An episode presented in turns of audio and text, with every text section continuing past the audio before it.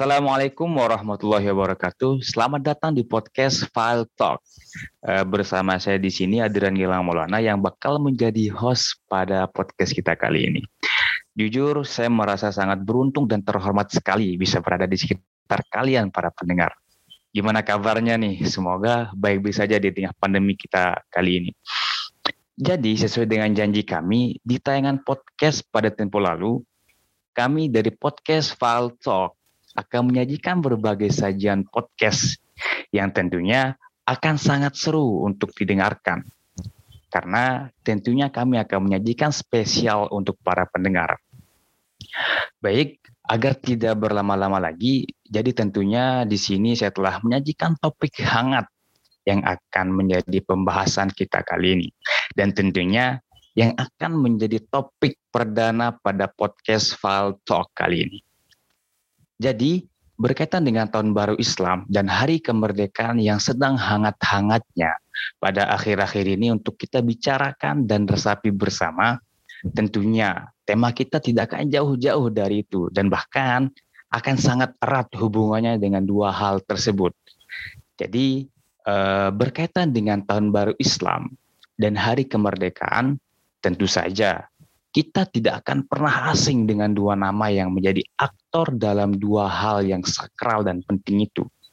Yaitu siapa lagi kalau bukan Nabi kita Nabi Muhammad Shallallahu Alaihi Wasallam dan Bapak Insinyur Soekarno. Dia menjadi aktor dalam dua hal tersebut. Yang di mana tahun Hijriah dimulai dari semenjak Nabi Muhammad SAW hijrah dari Makkah menuju Madinah. Yang dari situ terhitung tanggalan dan tahun daripada tahun Hijriah.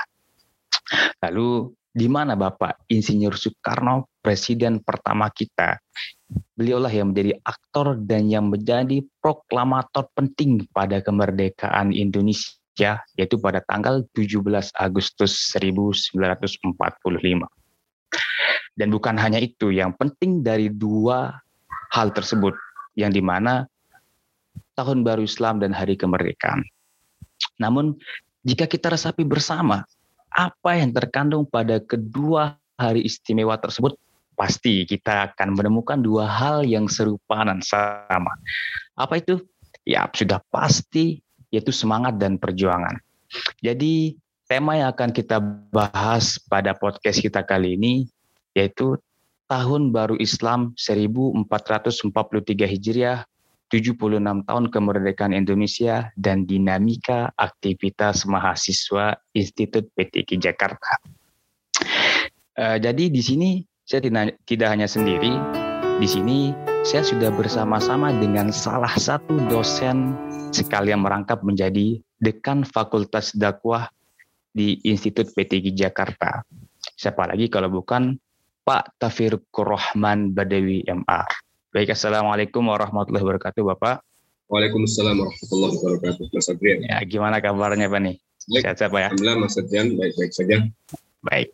Uh, jadi sesuai dengan yang saya bilang sebelumnya, pada podcast kita kali ini kita akan membahas tentang Tahun Baru Islam 1443 Hijriah, 76 tahun kemerdekaan Indonesia dan dinamika aktivitas mahasiswa Institut PTK Jakarta. Dan nah, jadi mungkin berkaitan dengan hal itu ada beberapa pertanyaan yang ingin saya sampaikan kepada kepada Bapak. Ya mungkin ini menyangkut nilai-nilai yang berada pada mahasiswa atau terlebih mahasiswi di Institut PTK Jakarta. Jadi eh, bagaimana kita sebagai mahasiswa mengimplementasikan nilai-nilai yang terkandung dalam dua hal tersebut, yaitu tahun baru Islam serta hari kemerdekaan dalam setiap perbuatan yang semisal seperti agent of change di masa pandemi ini. Lalu uh, kemudian bagaimana sebenarnya harapan dosen-dosen atau terkhusus harapan Bapak untuk mahasiswa atau mahasiswi PTK Jakarta untuk ke depannya yang uh, masih pada situasi pandemik seperti ini Pak. Baik Pak. Baik Mas Adrian dan para pendengar yang saya cintai dan saya banggakan uh, hijrah dan kemerdekaan tadi sudah disampaikan ada titik temu ada benang merah yang uh, secara uh, sinergis itu uh, terlihat dengan jelas ya. yaitu tadi nilai-nilai jihad nilai-nilai kesungguhan dan nilai-nilai perjuangan ya. karenanya ini harus dimaknai oleh para mahasiswa dengan uh, sebaik-baiknya bahwa untuk bisa sukses dalam menggapai cita-cita apa pun yang dicita-citakan oleh para mahasiswa dan mahasiswi harus ada upaya yang sungguh-sungguh, upaya yang keras seperti yang dilakukan oleh Rasulullah Wasallam ketika beliau berhijrah. Hijrah itu tidak terlaksana tanpa ada perencanaan yang baik, tanpa ada manajemen yang rapi, tanpa ada kesiapan-kesiapan yang total, dan juga tentu saja perjuangan eh, yang gigih, yang bersungguh-sungguh yang dilakukan oleh Rasulullah melewati uh, uh, tempat yang amat sangat sulit. Karena jalurnya adalah jalur selatan, jalur yang tidak normal, biasanya jalur utara. Ini adalah jalur yang amat sangat sulit. Di tengah uh, kejaran dari kaum kafir Quraisy yang terus saja mengincar Rasulullah Shallallahu Alaihi Wasallam. Jadi karenanya bagi para mahasiswa tentu saja makna hijrah dan makna uh, kemerdekaan ini harus betul-betul diimplementasikan melalui upaya yang keras dan gigih ya, sesuai dengan kapasitas masing-masing. Bagi mahasiswa yang memiliki kemampuan uh, untuk berorganisasi, silakan jadilah organisatoris pulung. Bagi mahasiswa yang akademiknya bagus, maka jadilah akadem apa namanya intelektual yang militan, intelektual yang brilian.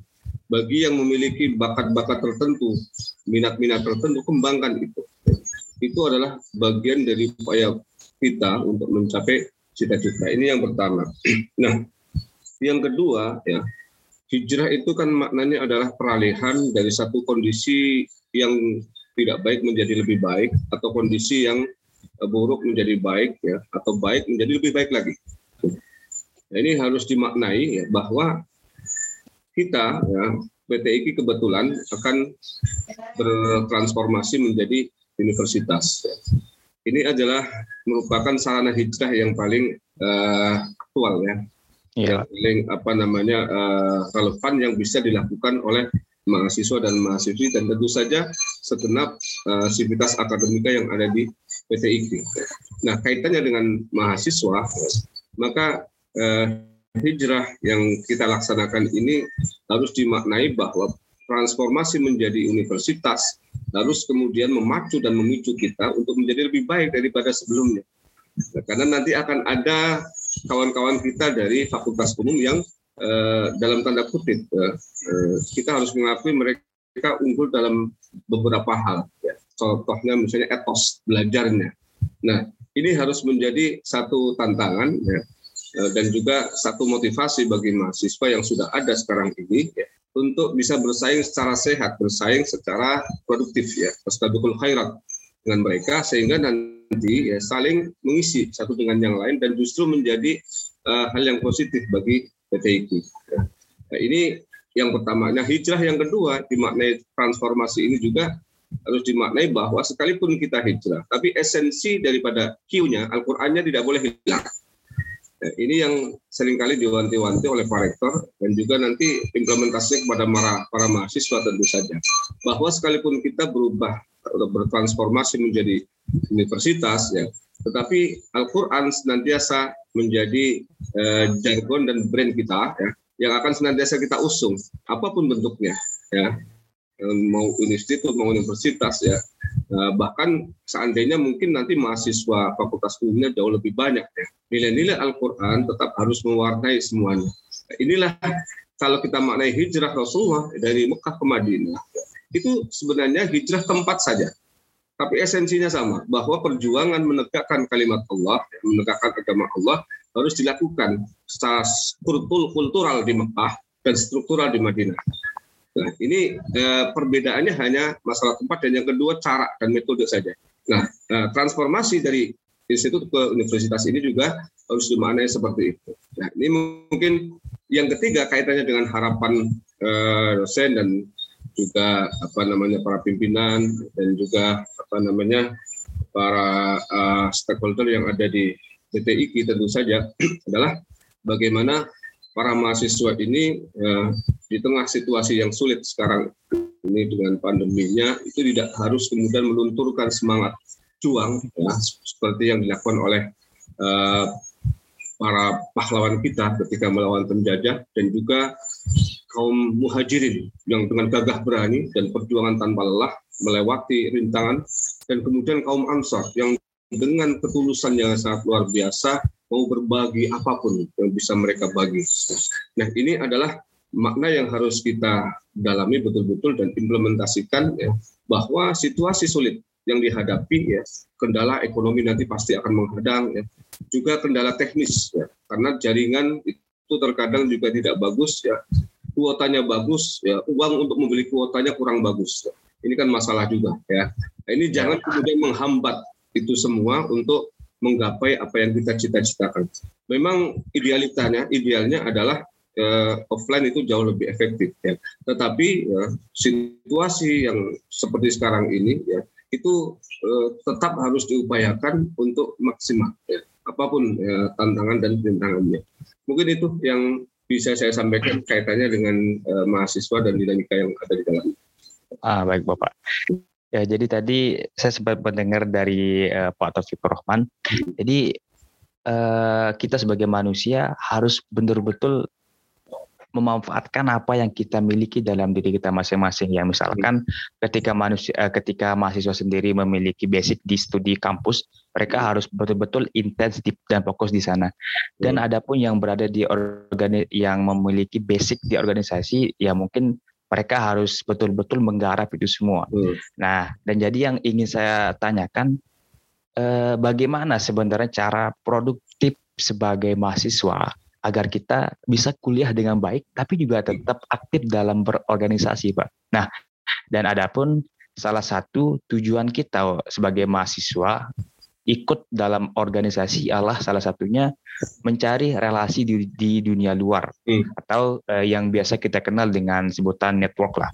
Nah, hmm. jadi bagaimana seharusnya cara untuk mahasiswa agar bisa menjalani keduanya secara beriringan tanpa menumpang tindihkan salah satu dari keduanya, Pak. Ya. Baik, uh, kita kaitkan dengan uh, tema kita ya. Hijrah itu terlaksana karena manajemen yang sangat rapi. Manajemen diri Rasulullah, manajemen diri Abu Bakar, manajemen diri Ali bin Abi Thalib, manajemen diri keluarga Abu Bakar, yang menopang dan juga manajemen umat secara keseluruhan. Nah, kemudian kemerdekaan juga tidak mungkin diperoleh tanpa ada perencanaan strategi-strategi yang uh, brilian yang dilakukan oleh uh, tokoh-tokoh kita ketika itu. Kita tahu ya. dalam sejarah itu salah satunya bagaimana kemudian mengumumkan ini secepatnya tanpa kemudian uh, didahului oleh Jepang misalnya. Ini adalah bagian dari strategi yang amat sangat uh, ya, yang sangat cemerlang yang dilakukan oleh uh, para tokoh bangsa kita ketika itu sehingga kemerdekaan tercapai. Nah, dikaitkan dengan apa yang ditanyakan tadi bahwa manajemen diri itu menjadi penting. Imam Ali mengatakan al-haqqu bila nizamin yaghlibuhul batilu binizamin. Kebaikan yang tidak terorganisir akan dikalahkan oleh kebatilan yang terorganisir. Organisir. Ya, jadi ya. manajemen diri menurut saya itu yang harus ditekankan terlebih dahulu. Bagaimana kita bisa memanage orang lain kalau kita tidak bisa memanage diri kita sendiri. Nah, manajemen diri itu salah satunya ya indikator yang paling jelas adalah kedisiplinan membagi waktu. Kedisiplinan untuk bisa uh, membagi fokus sehingga kedua-duanya uh, saling mengisi bukan justru saling kontradiksi. Ini yang sering kali terjadi kan sebenarnya para mahasiswa itu Eh, terlalu fokus untuk satu hal dan kemudian mengesampingkan satu hal yang lain. Padahal kedua-duanya bisa dilaksanakan secara uh, simultan, uh, secara uh, bersama-sama ya. Dan itu tidak tidak saling mengganggu ya. Apalagi hmm. dalam situasi studi dengan daring seperti ini. Hmm. Yeah. ini waktunya amat sangat uh, uh, sangat leluasa untuk kita bisa memberdayakannya. Di samping juga menciptakan network tadi atau menciptakan jaringan, menciptakan link dan sebagainya. Apalagi sekarang ini adalah eranya era digital, eranya uh, apa dunia maya yang link itu bisa diciptakan tidak harus kita pergi ke tempat yang dimaksud. Cukup menggunakan jaringan internet jaringan. ya. ya. Studi juga sama. Jadi ini sebenarnya ya justru kalau menurut saya situasi yang satu sisi itu negatif ya, tapi di sisi yang lain itu bisa menjadi peluang. Ya, kan orang sering kali hmm. bilang ya, eh, kesempitan kadang-kadang bisa menjadi kesempatan bagi pihak yang cerdas itu. Iya, nah, ini bisa menjadi kesempatan bagi orang-orang yang cerdas ya, untuk memanfaatkan situasi-situasi seperti ini ya untuk bisa menciptakan network yang lebih baik, jaringan yang lebih baik, bahkan bisa jadi produktivitas dalam studi dan juga termasuk uh, organisasi. Dan bisa jadi salah satunya lagi yang ketiga adalah bagaimana kita bisa produktif dalam uh, mencari penghasilan misalnya ya, dengan online dagang online ya. dengan apa namanya upaya-upaya untuk bisa menghasilkan sesuatu melalui jaringan-jaringan internet yang sekarang itu luar biasa luar biasa sekali ya. jadi uh, kreativitas ya yang dibutuhkan ya, yang yang yang yang kemudian diimplementasikan ya, itu akan menguntungkan satu pihak dan akan menggilas pihak yang lain. Nah ini juga menjadi tantangan sebenarnya. Kenapa hijrah itu sukses? Karena Rasulullah berhasil ya melewati tantangan itu ya. Nah kalau kalah ya pasti Islam akan hancur. Nah, nah bangsa kita juga sama tokoh-tokoh dahulu kalau kalah ya, dengan strategi Belanda, strategi Jepang ya, maka kita pun akan tidak merdeka seperti yang kita alami ini. Ya. Mungkin itu jawaban saya. Ya, terima kasih Mas Adrian. Uh, ya, uh, jadi tadi uh, kita sudah sama-sama mendengar bagaimana jawaban dari Pak Topik terkait dengan uh, keterkaitan antara satu Muharram atau Tahun Baru Islam dengan kemerdekaan dan dinamika aktivitas uh, mahasiswa PTIK Jakarta.